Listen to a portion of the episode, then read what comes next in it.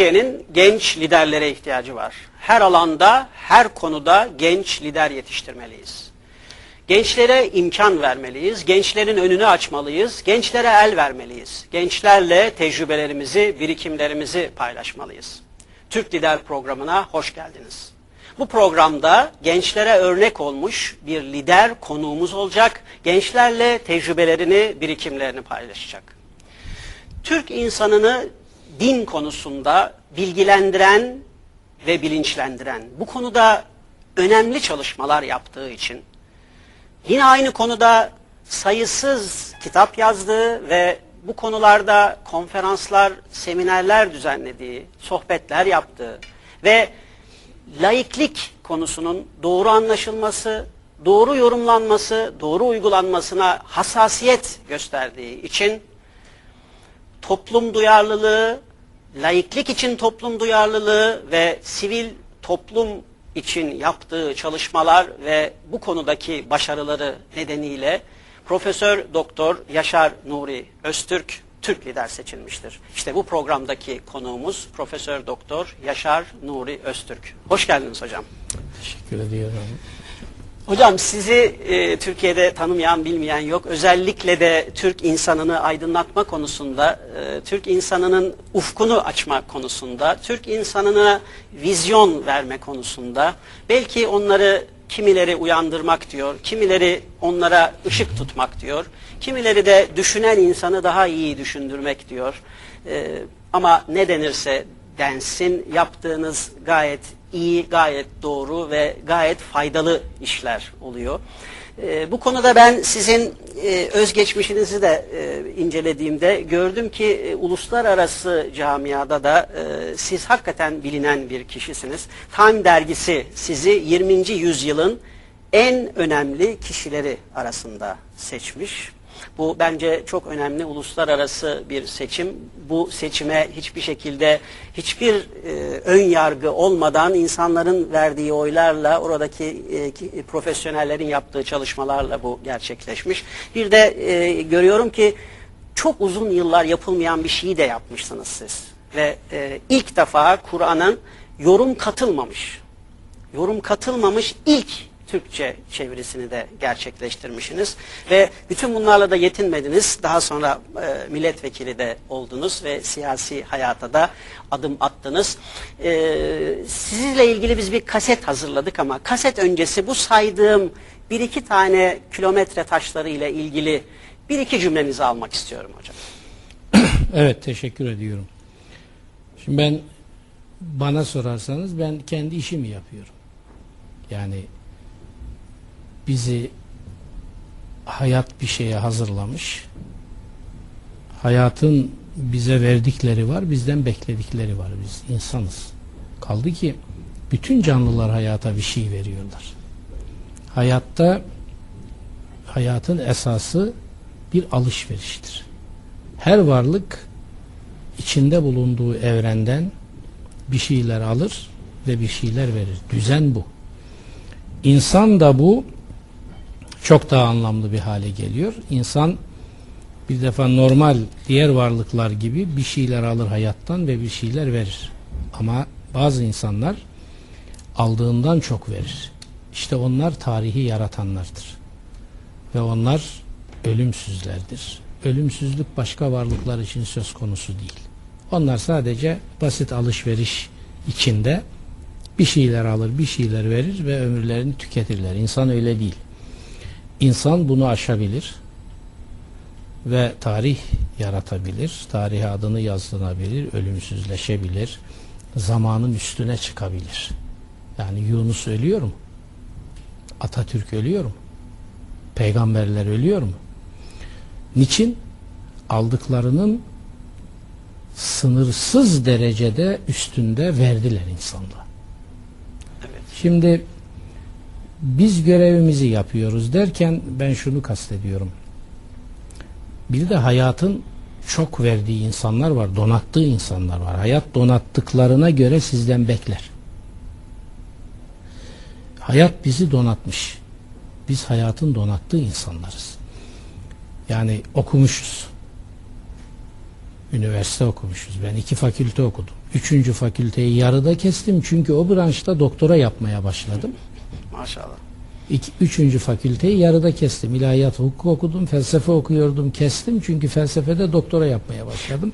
Anlamı kalmadı. Evet hocam tam bu sözünüzün üstüne Evet. bunu unutmayın ama burada siz kendinizden bahsederken biz de yapabildiğimiz kadar elimizden geldiğince sizi tanıtabilmek için bir tanıtım kaseti hazırladık. Müsaade ederseniz önce hep birlikte o kaseti izleyelim. Konuşmamıza Olur. sonra sohbetimize devam edelim. Yaşar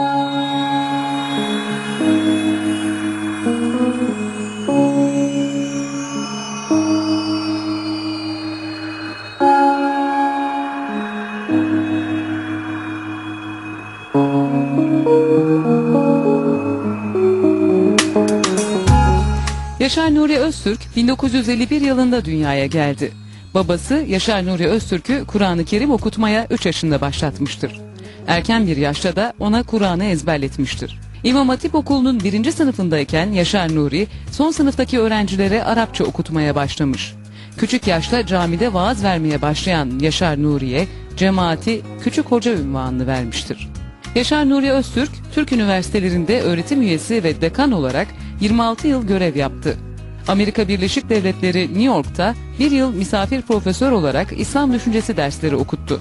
Time dergisinin gerçekleştirdiği 20. yüzyılın en önemli kişileri anketinin en önemli bilim adamları ve ıslahatçılar listesinde dünya kamuoyunca belirlenmiş 100 ismin 2001 yılı itibariyle ilk onu arasında yer aldı. Türkiye, Amerika Birleşik Devletleri, Avrupa, Afrika, Orta Doğu ve Balkanlarda İslam düşüncesi, insan ve insan hakları konularında birçok konferans verdi. Kur'an'ın yorum katılmamış ilk Türkçe çevirisini yapan bilim adamı olarak da anılır. 1993-2003 yılları arasında 126 baskı yapan bu çeviri, Türkiye Cumhuriyeti tarihinin en çok baskı yapan kitabı sayılmaktadır. Türkçe, Almanca, İngilizce ve Farsça kitaplarının sayısı 30'u aşkındır. Şu ana kadar 40 baskı yapmış bulunan Kur'an'daki İslam adlı hacimli eseri, İslam'da Kur'an'a dönüş hareketinin önce kitaplarından biri kabul edilmektedir. Öztürk'ün bu hareketteki rolü ve faaliyetiyle düşünce dünyası, değişik üniversitelerde yapılan Türkçe, Almanca, İngilizce, Fransızca tezlerle incelendi. 3 Kasım 2002 seçimlerinde milletvekili seçilerek Türk parlamentosuna giren Öztürk, öncülüğünü yaptığı Halkın Yükselişi Hareketi'ni siyasal partiye dönüştürmüş ve bu partinin genel başkanlığına getirilmiştir.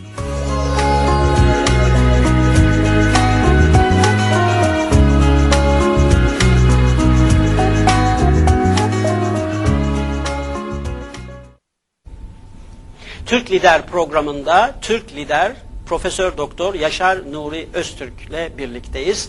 Hocam kaldığınız yerden şimdi sohbetimize devam edelim. Evet gördük işte bir e, hayat maceramız var. Ve annemiz, Paylaşmayı da dediniz annemiz yapıyoruz. Evet. babamız e, ve ülkemiz ve devletimiz ve milletimiz bizi yetiştirmiş. Şimdi bir de benim gibi ne bulmuşsa Türkiye'de bulmuş insanların sorumluluğu iyice ağır. Ben bir gün bir yabancı ülkede okumadım. Bir gün bir yabancı okulda okumadım. Okuyanların il- sorumluluğu daha mı büyük? Hayır, benim gibilerin sorumluluğu daha büyük. Yani bir ülke sizi alır, işte orada babanız bilmem elçidir falandır filandır veya bir burs kazanırsınız, bir geçmiş vardır gider. Ben bütün bu ülkede okudum. Yani bu halk beni okuttu. Ve enteresandır ben Türkiye dışına ilk defa kitabımın İngilizceye çevrilmesi üzerine davet edildim ve New York Üniversitesi'ne hocalık yapmak üzere gittim. Türkiye'den çıkışım bu. Ya böyle bir örnek de yok. Şimdi her şeyi bu ülkeden ben aldım. Şöhretimi de bu halk verdi. İlmimi de bu ülke verdi. Fikrimi de bu ülke verdi. Şimdi bir de çok seviyorum ülkeyi. Dolayısıyla ben işimi yapıyorum derken Evet. işimi de tam yaptığıma da inanmıyorum. Yani bu ülkeye daha çok vermemiz gereken şey var. Ben 50 küsür kitap yazdım. Bunların 20'ye yakını yabancı dillere çevrildi. Yani Ve de çok sayıda baskı yapıldı. Tabii yani o, o- orayı hiç karıştırma inanılır gibi değildir. Ya benim mesela mealimin beş türü basılmıştır çeşitli ebatlarda, türlerde, ciltlerde. Bunların içinde 126 baskı yapan 126. Ve mesela bu 126 baskı yapan meali üstelik Hürriyet gazetesi gibi bir gazete promosyon olarak 500 bine yakın da öyle dağıtmıştır halka. Onlar hariç. Hariç, evet. O zaten bilmem kaç baskı yapar. Oraları karıştırmayın. Ona akıl ermez. Ancak 11 Eylül'den sonra dünya da beni okumaya başladı.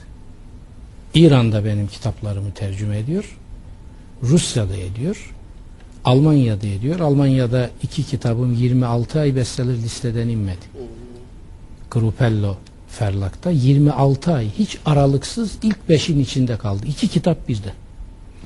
Şimdi bunlar güzel şeyler Şimdi, ama e, ülkeye bizim ben inanıyorum ki daha vereceğimiz var. Doğru. Çünkü bunları bize vermişse ülke ben bunları üretebiliyorsam bu, bunların altyapısını yapan bu ülkedir. O halde benim de vermem lazım devam. Tabii. Şimdi Türk Diler Yaşar Nuri Öztürk bu vermek işi konusunda çok somut e, bir durumdayız. Çünkü karşımızda gençler var. Anadolu Bil Meslek Yüksek Tabii. Okulu'ndan gençlerimiz var. Şimdi o gençler sizin zenginliklerinizi burada sizle paylaşmak istiyorlar. Ve paylaşabilmek için de o kadar çok soru hazırlanmış ki e, onların içinden seçmesi son derece zor ama muhakkak bunların içerisinde bazılarını önemli gördüğümüz için seçiyoruz. Onlar konusunda e, içinizden geldiğince e, samimiyetle duygularınızı, düşüncelerinizi onlarla paylaşırsanız onlar da burada bu ortam içerisinde sizin zenginliğinizden bir parça alıp bu stü- stüdyodan ayrılmış olurlar. Sevgili Bülent Bey, e, ben teşekkür ediyorum. Güzel bir e, yaklaşım bu. Şimdi gençler diyorsunuz ve vermek diyorsunuz. Bizim ülkemizin nüfusu yüzde doksana yakını 30 yaşın altında ve civarında. Şimdi böyle bir ülkede aydınların vermesi gereken çok şey var. Yani Avrupa ülkelerinin bir Almanya'yı düşünün. Nüfus yüzde 90 ile 60 yaş ve üstünde. Her şey yerine oturmuş. Diyalektiği zayıf, umutlar kırık. Zaten ne yapalım, nasıl yiyelim, nasıl harcayalım diye düşünüyorlar. Bizim ülkemiz öyle değil. Habire istihdam isteyen, habire aydınlanma isteyen, habire eğitim isteyen, habire atılım sergileyen, habire yeni ufuklar isteyen, sürekli yaratma durumunda olan, tabiri caizse kanı kaynayan bir gençlik var. Buna ufuk vermek lazım, ekmek vermek lazım. Bakın önce ufuk, Ufuk, sonra ekmek. ekmek, Ekmeğin içine çağdaş yaşam her şeyiyle çağdaş giriyor. yaşam. Ondan sonra ideal vermek lazım. İdealler vermek İdealler, lazım. hedefler. Ve Türkiye'yi ileri taşımalarında bir de bunlara kılavuzluk etmek lazım. Kılavuzluk Bütün yapmak. bunların aydınlarımız ve özellikle siyasetçilerimiz tarafından layıkıyla yapıldığı kanaatinde değilim. Üzülerek söylüyorum. Ee, Şimdi hocam size Maalesef. gençlerimizden Duygu Alçın e, Kaya e, biraz herhalde morali bozulmuş. Bu duyduğu bazı kelimeler, duyduğu bazı cümleler, kalıplaşmış terimler e, moralini bozmuş. Onunla ilgili sizin görüşünüzü istiyor mu? Herhalde birazcık da moral istiyor. Duygu sorunu sorar mısın? Öncelikle merhaba. Ee, bizim yetişirken büyüklerimizden işte rahatsız olduğumuz bazı sözler var, kalıplaşmış sözler. Ben bunlarla ilgili sizin görüşlerinizi almak istiyorum. İşte bu sözler, burası Türkiye, burada her şey olur. Ee, kısa sürede köşeyi dönmek, bana dokunmayan yılan bin yaşasın, Türkiye'yi kurtarmak sana mı kaldı? Böyle gelmiş böyle geçer ve işte devletin malı deniz yemeyen domuz gibi bazı sözler var.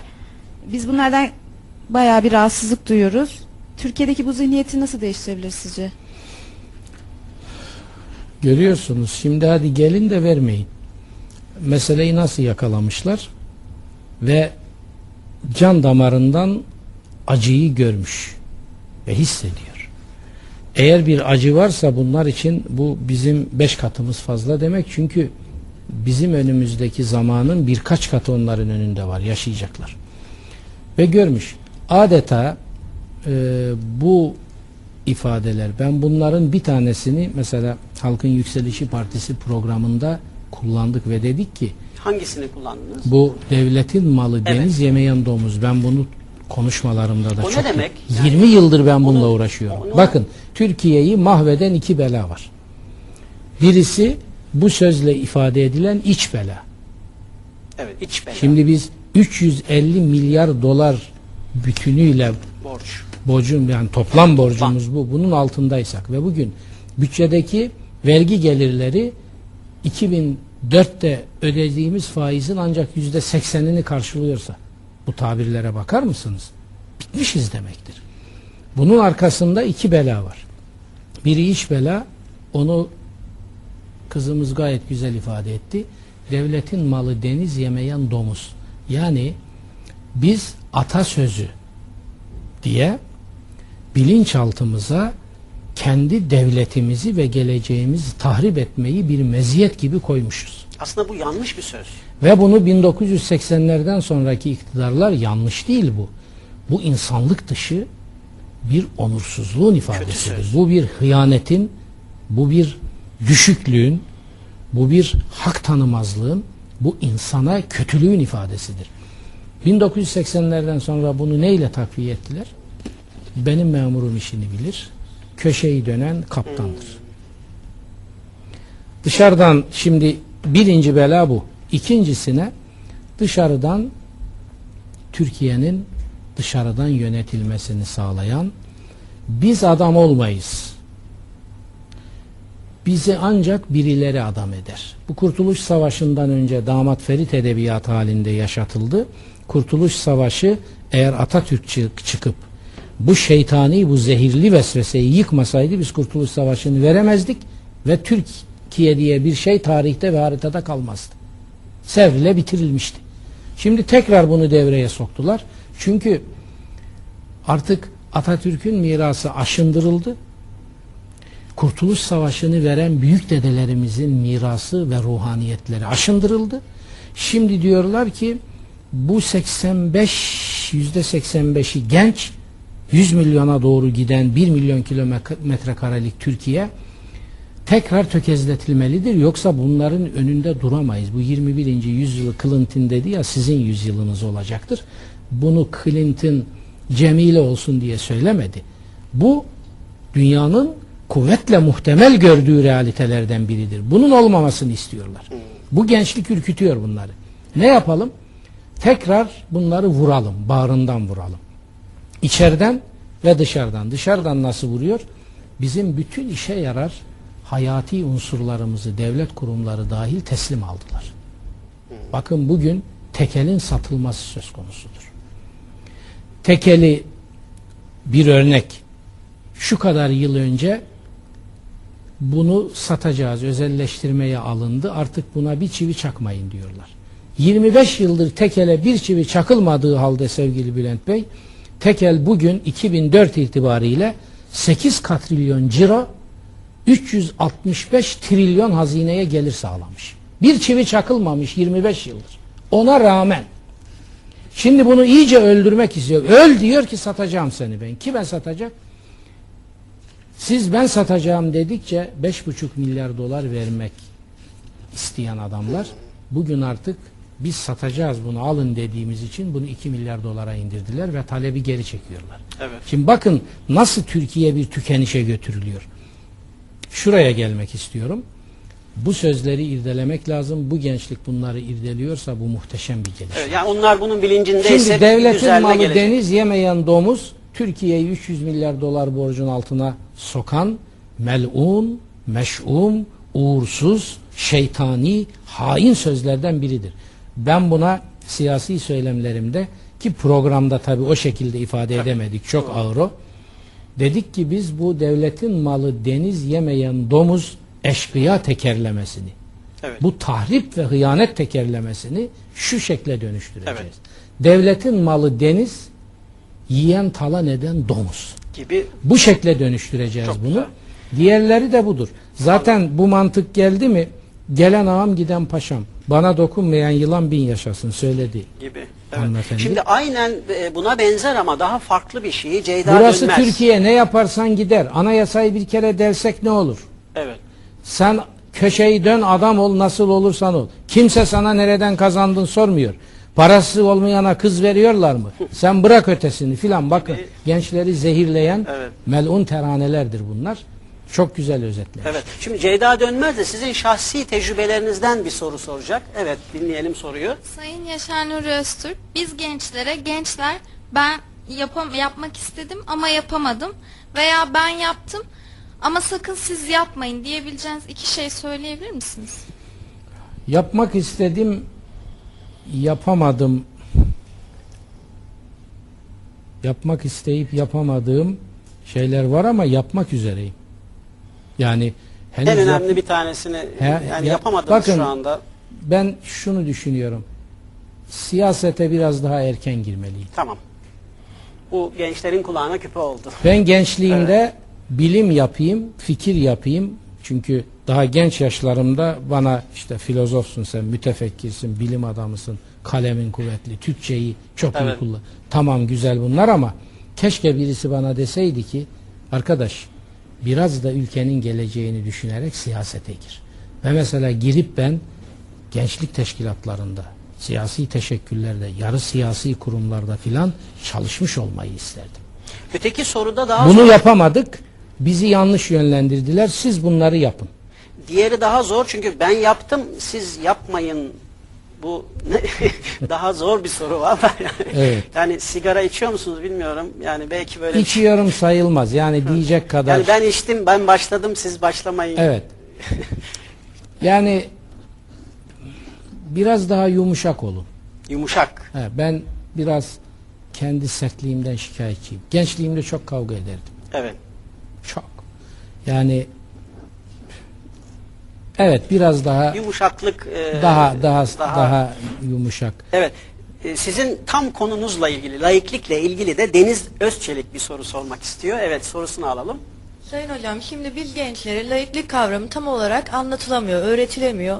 Çoğu e, insanlar bunu e, kavram olarak veya anlam olarak görüyorlar. Peki e, yani Türkiye'de laiklik denilince bizim aklımıza din ve devlet işlerin birbirinden ayrılması veya e, herkesin kendi dinini özgürce yaşayabilmesi geliyor. Sizin de e, sizi burada bulmuşken hemen soralım dedik. Peki e, laiklikle ilgili biz gençlerin kulağına küpe olabilecek ne ne söylemek istersiniz? Evet, laiklikle ilgili biliyorsunuz benim ayrı bir kitabım var. Kur'an verileri açısından laiklik. Laiklik Türkiye'de maalesef hem laiklik üzerinden rant diyelim isterseniz, isterseniz siyaset deyin, isterseniz prim deyin. Ama nihayet siyasi prim yapmak isteyenler var. Bunlar ikiye ayrılıyor. Bir, laiklikle dinin ilişkisini istismar ederek buradan siyaset yapanlar var. İkincisi, laiklikle çağdaşlığın ilişkisini istismar edenler var. Hocam laikliği gençlerimize bir cümle olarak Şöyle nasıl söyleyeyim, laiklik devlet yönetiminde ve devletin yönetilmesinde esas olan normların, hukuk kurallarının oluşturulmasında yönetenlere vekalet veren halka atıf yapmayı esas alır. Laikliğin özü budur. Yani yönetim kutsal din veya Allah adına değil. Yönetenlere oy ve vekalet veren millet ve halk adına yapılacaktır. Laikliğin esası bu. Yani şöyle bir terane var. Laiklik din ile dünya işlerinin ayrılmasıdır. Bu tam bir saçmalıktır. Hiç kimsenin diniyle dünyası birbirinden ayrı değil. Evet. Bütün dava şudur. Ülkenin yönetiminde, örneğin bizim parlamenter sistemimizde, parlamentoda Hı. kanunlar ne adına çıkarılıyor? Halk. Din adına mı? Tanrı'ya vekaleten mi? Yoksa halk ve millet adına mı? Egemenlik kayıtsız şartsız milletindir ilkesi laikliğin de ifadesidir. Evet. Yoksa laiklik bir din gibi vaz edilerek mesela birilerinin zannettiği gibi sen laik adamsan Müslüman falan olamazsın. Öyleleri var ki Allah dediğin zaman olur mu ya nasıl sen Allah diyorsun ya sen laik değil misin falan. Böyle saçmalayanlar var. Saçmalığı böyle marazi noktaya getirenler var. Bir de tersi var. Bunlar da dinci marazi tiplerdir. Milletimizi bu ikisi mahvediyor. Geçen gün mecliste yaptığım konuşmada ikisine de atıf yaptım. Bir kıskaç var şimdi. Bu gençler bunu iyi bilmeli. Nedir o? Birileri 70 yıldır, 60 yıldır ama özellikle 30-40 yıldır milletimize diyor ki laiksen Müslüman olamazsın. Ne demek Müslüman? Bunların çağı geçti. Bir. Öbürü de diyor ki Sen Müslüman mısın? Elhamdülillah Müslümanım. O zaman ne demek laiklik ya? Bir adam ya Müslümandır ya laiktir. İşte bu iki hain, kıskaç milletimizi böyle almış ortaya. Evet. Kemiklerini kırasıya sıkıyor. Şimdi bundan çıkış nedir? Şu. Parlamento, hukuk hayatı, yönetim millete vekaleten yapılacak. Kanunlar çağdaş verilere, ülkenin ihtiyaçlarına ve millete bakılarak çıkarılacak. Kutsal adına yönetim olmayacak. Hiç kimse Tanrı'nın vekili, vasisi, e, avukatı falan olmayacak. Hiç kimse ben Tanrı'nın birinci sınıf kuluyum. Demeyecek. Benim yönetme hakkım sizden daha öncedir demeyecek. Fakat hiç kimse de sen hem laikim diyorsun hem de bu 21. yüzyılda Allah'tan, peygamberden, namazdan, niyazdan bahsediyorsun demeyecek. Bu iki saplantı da bu iki saçmalık da insanımızın yakasından düşecek. Zaten Cumhuriyeti kuran irade başta Cumhuriyet'in ölümsüz mimarı Atatürk olmak üzere bu mantıkla, bu mantaliteyle getirmişlerdir. Şimdi siz tersini yaparsanız iki cümle daha söyleyeyim. Siz yönetimi ve ülkenin hukuk hayatını dine mesela teslim edin. Bakın ne oluyor o zaman? Dinlerin her birinin içinde onlarca mezhep var. Her mezhep kendinin o dinin en iyi mümini olduğunu, öbürlerinin üçüncü, beşinci sınıf hatta cehennemlik olduğunu söyler. Her biri der ki ülke benim anladığım şekilde yönetilecek. Allah böyle istiyor der. Allah'ın avukatı kendidir. Her mezhep kendini Allah'ın en iyi ekolü olarak görür. Ve bu asırlarca batıyı biliyorsunuz Engizisyon zulmü altında inletti. Batı bundan kurtuldu. Şimdi bunu bize transfer ettiler. İşte bakın İslam dünyasına yürümüyor. Hayat durdu. Facia 30 bin dolar fert başına milli gelirin olması gereken Irak'ta yalnız petrolle bugün açlık, sefalet, ölüm, cehennem, kan ve kahır kol geziyor. Niçin? Söylenen nedir bakın. Birileri diyor ki siz adam olmuyorsunuz. Siz dünyanın başına bela oluyorsunuz. Siz Müslümanlar var ya siz siz kan ve şiddet çocuklarısınız. Sizin elinizden bu imkanı alacağız. Sizi burnunuzu sürte sürte demokratikleştireceğiz. Amerika böyle demiyorum. Evet. Demokratikleştirme Irak'ı. Bakın işi dine bıraktığınız zaman sonuç budur. Evet. Atatürk bunu İslam dünyasında 100 yıl önce gördü. Ona borcumu, borcumuzu ne biz ödeyebiliriz ne de İslam dünyası. Bir gün bunu iyice kavrayacak. Şimdi öbür tarafa bırakırsan, öbür tarafa bırakırsan adam Allah adına, ruh adına, ölüm ötesi adına, hatta bir ölçüde ahlak adına hiçbir şey bırakmayacak. Şimdi hocam Türkiye'de bu, bu, bu bir daha olmaz değil mi? Yani biz bundan çok korkmayalım. Yani oraya doğru gitmeyiz değil mi? Yani sizler Bakın. varken, millet meclisi böyleyken biz oraya doğru gider miyiz? Gitmeyiz herhalde. Hiç belli olmaz. Öyle mi? Sakın. Yani bizler varken, bu gençler size varken. 1989'da Rusya'nın 87'de size Evet. Şimdi hocam ko- koca Rusya'nın bir haftada çöküp yerinde yeller eseceğini söyleseler inanır o zaman mısınız? şöyle diyelim, dikkatli olalım. Bu tehlikeyi Kesinlikle. görelim, görelim ve Kesinlikle. gücümüzü Bakın kullanalım. gençler şu soruları soruyorsa ciddi bir güvencemiz var. Gençlerin yüreğinde bir güvencemiz Şimdi var. hocam, Ama Gülşah- bunun bunun mutlaka bakın Türkiye çok uyanık olmak zorundadır. Çünkü bizi kader hani jeostratejik konumumuz falan filan diyor. Bunun adını koyalım. Kader bizi dikenin üstünde yaşatıyor.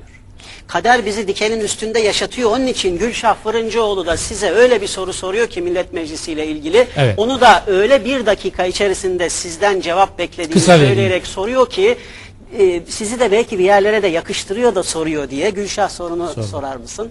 Sayın Hocam, siz başbakan olsaydınız, icraatınızın ilk bir yılında Türkiye'de neleri nasıl değiştirmek isterdiniz? Gülşah'cığım ne güzel söyleyene değil söylete başbakan olsaydınız ki Evet, olacağız Allah'ın evet. izniyle. Ama şimdi bazıları gülüyor da "Ulan bu hoca ne biçim ne biçim konuşuyor diye. Ee, ben başbakan olsaydım ilk icraat olarak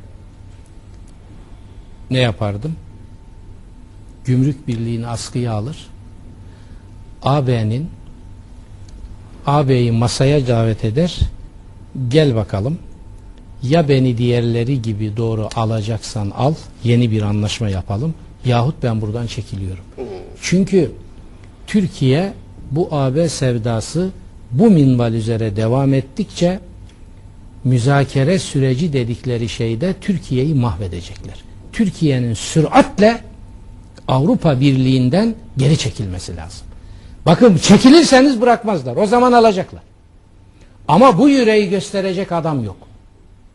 Kusura bakmasın kimse. Vazgeçerler mi zannediyorsunuz? Ama adam bizi sorgulama odasına tıkamış. Affedersiniz 25 ülkeyi nikahlısı gibi bizi de kuma gibi metres gibi affedersiniz kullanıyor. Ve istediklerini alıyor bizden sürekli. Ve bizde hiçbir dirayet yok. Bakın gümrük birliği ile 9 yılda Avrupa'ya verdiğimiz para 110 milyar dolardır. Şunu askıya alın. Avrupa Birliği'ne ben de girmek taraftarıyım. Ama yolu hangisi? Bunu oturup konuşalım. Evet. Ben başbakan olursam ilk yapacağım yapacağınız işlerden şey. biri budur. İkincisi ihale kanunu askıya almaktır. Üçüncüsü teşvik kanununu askıya almaktır. Evet. Dördü söylemeyeyim icraatın içinde ne döner? Bunlar süratle yapılacak. İçeride ve dışarıda bir defa Türkiye'de 45 milyon insanı açlığın altına mahkum eden tarım ve hayvancılık kesimini ve bir facia ateşini yakan şu temel hortum mekanizmalarının anında durdurulması lazım. Evet. Hocam Evet. onlarla ilgili size bir kaset hazırlayın dedik. E, Gençlere üç değişik mesaj Evet. vermek üzere bize bir kaset hazırlar mısınız? Sürpriz kaset. Hazırlamışsınız önünüzde duruyor. Şu kaseti ben e, müsaadenizle e, sizden alıyorum. Al. E, kaseti biz yayına hazırlayalım. Bir ara verelim ondan sonra tekrar Tamam. birlikte olalım.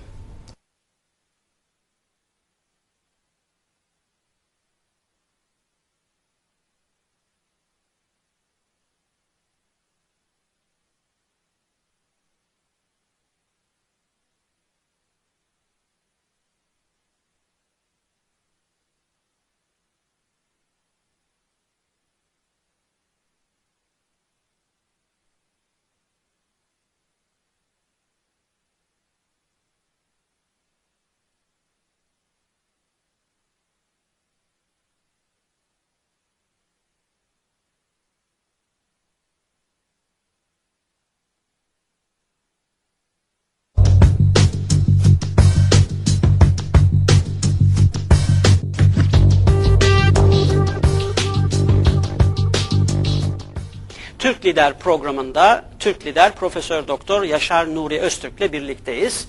Hocam kasetiniz, sürpriz kasetiniz yayına hazırlanmış. İsterseniz hep birlikte sürpriz kasetinizi izleyelim. Bakalım gençlerimize ne mesaj vereceksiniz? Hocam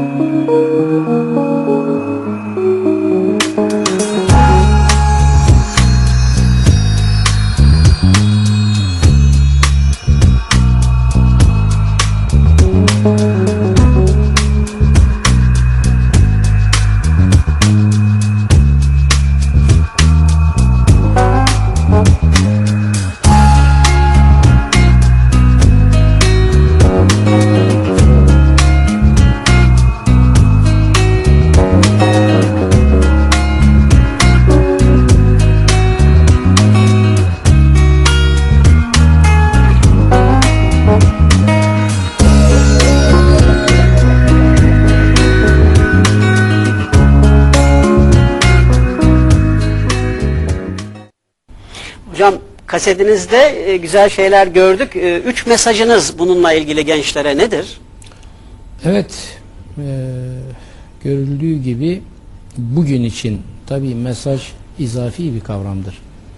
İçinde bulunduğunuz duruma göre en hayati noktaların tespiti ve o noktalarda uyarı demek. Ben öyle anlıyorum. Şimdi birinci de ben diyorum ki bir teşhis yapıyoruz. Türkiye iyiye gitmiyor. Ayağa kalkmamız lazım. Yani bu halk, bu millet Evet ayağa kalkmalıyız. durum iyi değil, bizim bir şey yapmamız lazım dediği ve bunu vicdanında hissettiği anda ayağa kalkar ve ayağa kalktı mı da halleder işi. İkinci mesele. Bunun bunun e, Kurtuluş Savaşı'nda da Çanakkale'de de örneği var. Yakın daha Evet. dedelerimiz aramızda bunları yaşayanlar. İkinci mesele. İkincisi sorumluluğu birilerine ciro etmeyelim. Ben buna havale ve ihale diyorum. Bu şeytani bir yoldur. Yani kendimiz her halledelim. insan sorumluluğu başkasına atma konusunda dünyanın en becerikli avukatıdır. Buna bir bahane bulur. Hayır, onu bir kenara koyacağız. Seferberlik bilinciyle diyeceğiz ki bunları bırakın. O sorumlu, bu daha çok sorumlu, bu daha çok suçlu bırak.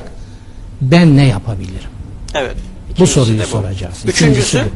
Üçüncüsü sakın da sakın ümitsizliğe düşmeyelim. ümitsizliğe düşmeyin. Asla. Bakın Allah varsa ümitsizlik olamaz. Allah'tan büyük hiçbir kuvvet yoktur. Dolayısıyla ümitsizlik de Allah'tan küçüktür. Biz niye ümitsiz olalım? Evet. Üstümüze düşeni yaptığımız takdirde Türkiye geleceğin dünyasının en gözde ülkelerinden biri olacaktır. Ben buna bütün vicdanımla inanıyorum. Gençlerin değil belki bizim bile göreceğimiz günler yakındır. Evet. Biz niye Türkiye'nin yönetimine talip olduk? Halkın yükselişi niye dedik? Halkın sırtına birileri basarak yükseldi bugüne kadar. Geldiğimiz felaketin sebebi budur. Şimdi diyoruz ki halkın sırtından inin, halk yükselsin. Halk dediğin kim? Yüzde doksana yakını 30 yaş civarındaki bu çocuklar. Evet. İşte bu. Bunlar yükselsinler. O zaman muasır medeniyet seviyesinin üstüne çıkış bizim için asla mucize olmayacaktır. Evet. Türk Lider Evet. Yaşar Nuri Öztürk. Ben size 37 tane değer gönderdim Ee, ve buraya gelmeden önce dedim ki bu değerler içerisinde size deseler ki bir başka gezegene gideceksiniz orada yaşayacaksınız. O değerler içerisinde sadece o gezegende Evet, çok- 6 çok tanesini ilginç. yanınızda götürebilirsiniz. Acaba hangi 6 tanesini dedim. Siz de bana şöyle cevap verdiniz. Önce dürüstlüğü alır götürürdüm dediniz. Hiç. Ee, Temel ilk azık. temel. Sonra çalışkanlığı yanıma alırım Tabii. giderdim dediniz. Daha sonra paylaşmacılığı alırım. Daha sonra özgürlüğümü yanıma alırım ve cesareti diye dördüncü, beşinci seçtiniz ve de son olarak da çevre koruma. Ben Çok önemli. olayı daha da zorlaştırdım. Size dedim ki e, o gezegende de hayat bitiyor. Bir başka gezegene taşınacaksınız. Orada da diyorlar ki bunların sadece üçünü alıp gidebilirsiniz. Hangi üçü? Siz dediniz ki bir dürüstlüğü alırdım. iki çalışkanlığı yanıma alırdım. Üç paylaşmacılığı alıp o gezegene giderdim. Ben şimdi size soracağım. Bir cümleyle sizden cevap istiyorum. Dürüstlüğü aldınız. Niçin? Dürüstlük olmasa insan şahsiyeti olmaz ve insanın bir değer üretmesi mümkün olmaz. Çalışkanlığı yanınıza aldınız. Çalışkanlığı Niçin? aldım çünkü çalışkanlık olmasa sömürü başlar. Sömürmek hayata en büyük ihanettir. Çalışacaksınız, üreteceksiniz. Peki paylaşmayı yanınıza aldınız. Ha üçüncü. paylaşmayı da aldım. Eğer paylaşmazsan yani dürüstsünüz, saçmalamadınız, ikiyüzlülük yapmadınız, güven sağladınız, çalıştınız, ürettiniz. Paylaşmazsanız bu da bir akıl dışılıktır. Paylaşmazsanız mutluluk olmaz. Niye çalıştık o zaman? Kefenin cebi var mı? Kim nereye götürecek? Onlar paylaşıldığı sürece bize mutluluk olarak geri döner. Hiç kimse kazandıkları paraları pişirip çorba yapıp yiyemez. Onları paylaştığı zaman. Hiç kimse üzerine tapulu arazileri helva yapıp pide yapıp yiyemez. Peki o zaman Onlardan insanlığı yararlandırdığınız takdirde mutluluk olan olarak size o geri zaman döner. biz de sizde bir şey paylaşalım şu anda. Çok şey paylaşıyoruz ama sizin özel projenizi paylaşalım. Bizim bir proje kutumuz var. Sanal proje kutusunu atmak üzere her liderin bir projesi vardır. Şu anda üstünde çalıştığınız en önemli bir projenizi, ismini ve bir cümle ne olduğunu bize söyler misiniz? Benim projemin esası zihniyet devrimine Zihniyet dayanıyor. devrimi. Yani projem eğer siyasi pro- yani fikri hayatımı düşünüyorsanız 50 küsür kitapla bunu dünyanın önüne koymuşum. Bunun eyleme dönük siyaset projesi olarak düşünürseniz Halkın Yükselişi Partisi programında bu kristalleşmiştir. Tabi bu programı 18 tane uzman danışman hazırladı otorite alanlarında ama esas beyin, esas motive eden, esas fikri, omurgayı veren benim. Onu söylemem O lazım. projeniz. O projedir ve zihniyet devrimidir. Tek kelimeyle ifadesi zihniyet Zihniyetleri değişimi. değiştirmektir. Nedir bu zihniyet devriminin esası? Onu çok çok amiyane, çok günlük dilde bir ifadeye kavuşturmak istiyorum. Türkiye aldatılıyor. Türkiye hiç kimseye güvenmeden kendi yüreğine ve özüne dönerek geleceğini kendi bağrından yaratacaktır. Bunu bunu tekrar tekrar söylüyorum. Büyük Atatürk bunu Kurtuluş Savaşı öncesinde yine tekrar tekrar bunları saklıyorlar. Çok ağır ifade etmiştir o günkü şartlarda. Diyor ki biz Avrupalının namusuna güvenemeyiz. Bu bizim sonumuz olur. Peki bununla birlikte siz e, size bir güç verilse birdenbire dense ki Türkiye'de şu anda bir şey değiştirmeye gücünüz var. Evet. En acil Türkiye'de değiştireceğiniz nedir deseler? Hemen Türk dış politikasının Dış politikamız. Türk dış politikasının bugün üzerine oturtulduğu ekseni değiştiririm. Bu bu dış politikayla eksene Türkiye oturmuş? felaket teslimiyet ekseni. Teslimiyet. Evet. O teslimiyet ekseninden hangi eksene taşımak Şahsiyet istersiniz? ve ayağa kalkış ekseni. Şahsiyet ve Evet. ayağa kalkış Evet. ekseni. Hayır diyebilme ekseni. Evet, kendine Türkiye güvenme. hayır diyemiyor. Hayır diyemeyenlere hele Türkiye gibi bir ülke için kurtlar sofrasında ölümden başka nasip yoktur kardeşim. Türk lider Yaşar Nuri Öztürk. Evet. Şimdi ben size bir obje göstereceğim. Programımızın bir göster bin işit bölümüne Evet, geldik. Bir Göstereceğim. de bin dokun bina işit var tabii. Evet, biliyorsun. bir göster bin işit bölümünde 5 saniye bu objemize bakın. Onunla ilgili gençlere bir mesaj vermenizi istiyorum. Ee, objemi görmeye hazır mısınız? Sizin için bir metre getirdim. Şöyle tutabilirsiniz. Buna 5 Harika. saniye bakın. Bununla ilgili gençlerimize ben bir mesaj vermenizi istiyorum. Baktım. Evet. Gençler ve herkes sakın benim beynimi, yüreğimi, Beyin, gücümü, dirayetimi metreyle ölçmesin. Ben bunu daha net ifade ediyorum. Kimse benim boyumla aklımı karıştırmasın. boyumla aklımı, Aklımı karıştırmasın. karıştırmasın, evet. Evet, çok güzel bir şey. Evet. Ee, peki çok teşekkür ediyorum ben. Tabii Ee, insanları metreyle ölçmeyin demektir bu. Çok daha objektif ifade edersiniz. Evet yani böyle dış görünüşe de aldırmamak lazım. Evet. Peki önünüze bir torba koydum. Böyle güzel sürpriz oyunlarımıza bir devam edelim var. diye. O torbanın içerisinde Açayım. harfler var. Lütfen bir harf çekin torbanın içinden. Bakalım sizin şansınıza hangi harf çıkacak? İçinden çıkacak çünkü harfin baş harf olarak başlayan A. bir iyi davranış söylemenizi A'la başlayan bir iyi davranış, ahlaklı davranış, doğru davranış olabilir. Ahlak. Ahlak kelimesi. Hayatı insana yaraşır yapan değer. Çok güzel. Veya Ahlak. ahlaklı ol.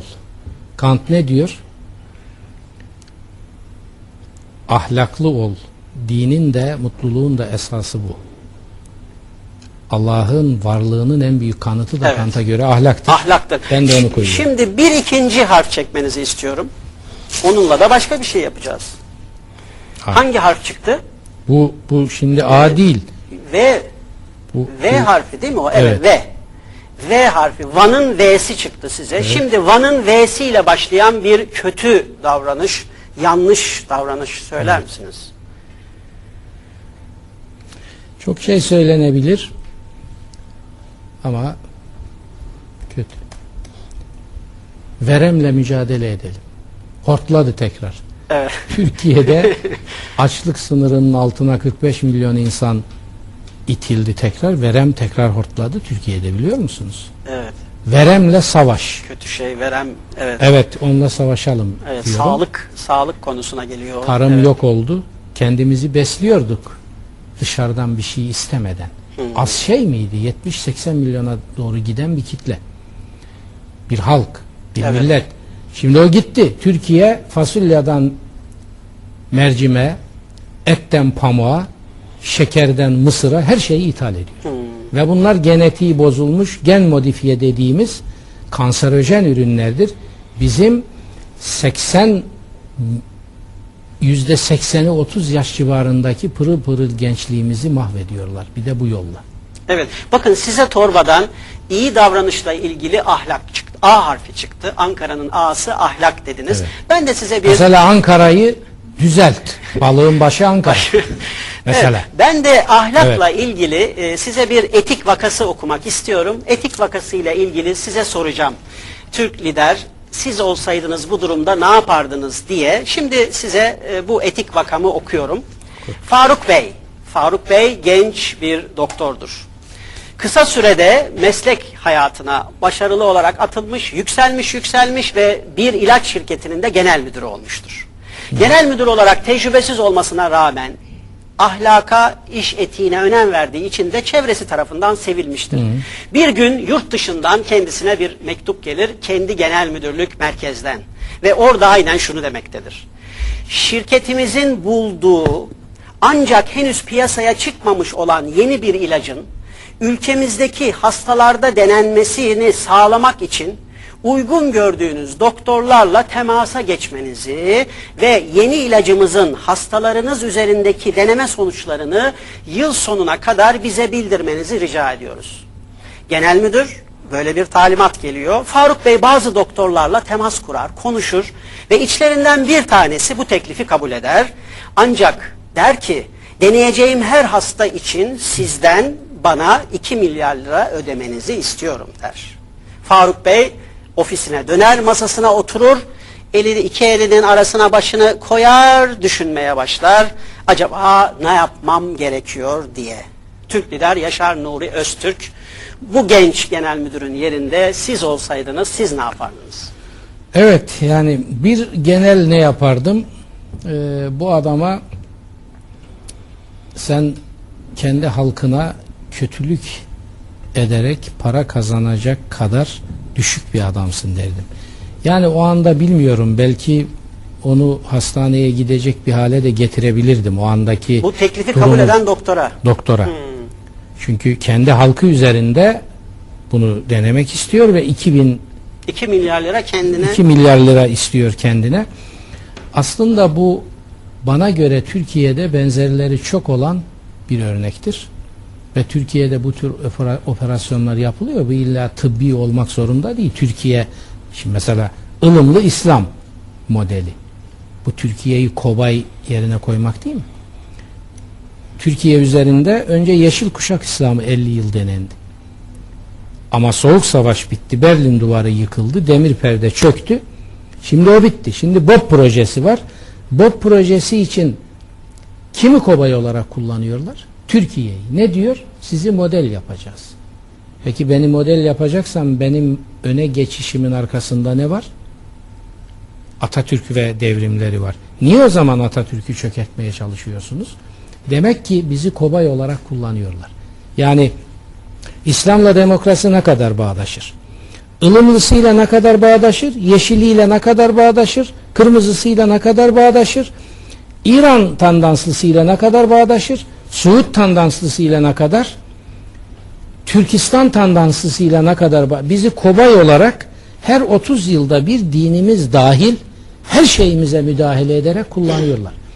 İçeride neler yapılıyor acaba bu dediğiniz gibi özel küçük vakalarda ben o müdürün yerinde olsam evvela o Doktorun. 2 milyarla ben bunu yaparım diyen adamın icabına bakardım. Ondan sonra da esas bu projeyi gönderen alçak adama yurt dışındaki merkez. Evet. Derdim ki onursuz adam. Sen git kendi çevrende ve kendi halkın üzerinde dene. Aldığın sonuçları bana gönder ondan sonra oturup konuşalım. Peki Türk lider Yaşar Nuri şimdi e, programımızın sonuna doğru da Tabi bu adam eğer Türkiye'deyse ben bunu hemen istemeyen adam ilan ederdim. evet evet Bakın Türkiye'de son yıllarda belki 20'ye yakın istenmeyen adam vakası olmuştur.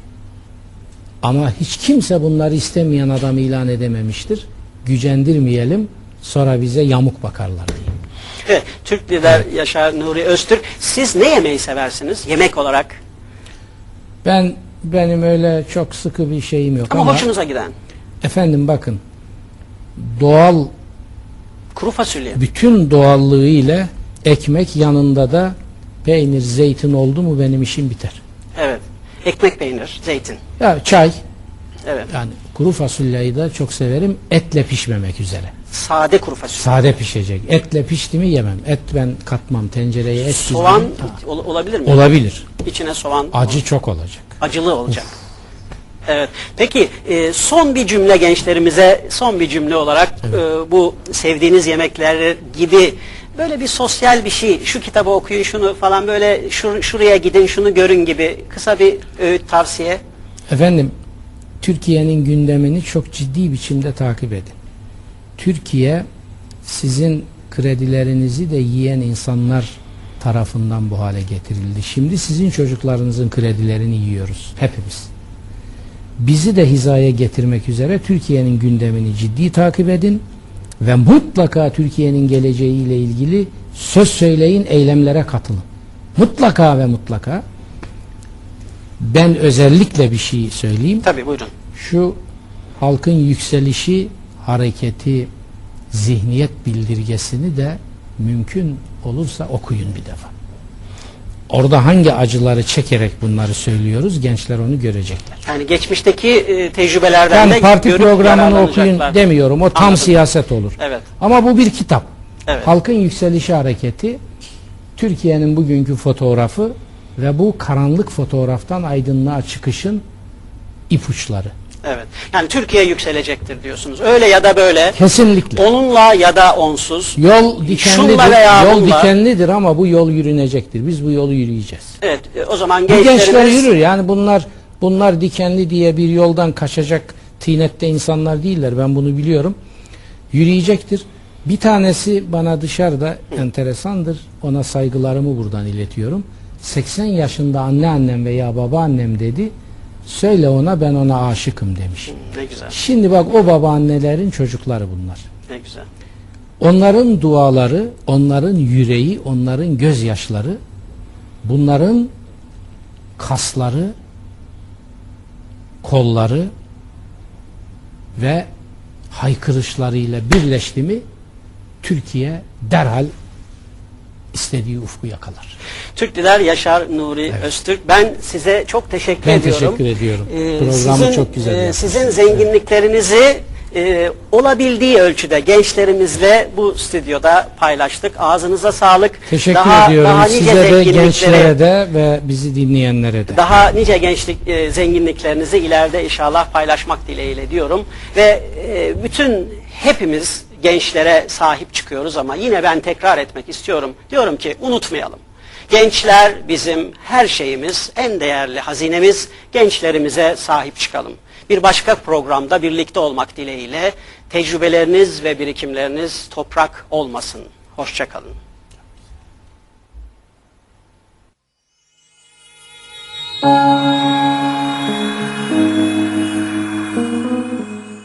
Türkiye inliyor. Bülent Şenver'in Türk lider konuğu olan Profesör Doktor Yaşar Nuri Öztürk, Türkiye inliyor dedi. Yaşar Nuri Öztürk gençlere şu üç mesajı verdi. Gençler ayağa kalkın, Türkiye'mize sahip çıkın. Sorumluluklarınızı başka birilerine ihale etmeyin. Ve sakın ümitsizliğe kapılmayın. Türkiye'nin geleceği parlaktır.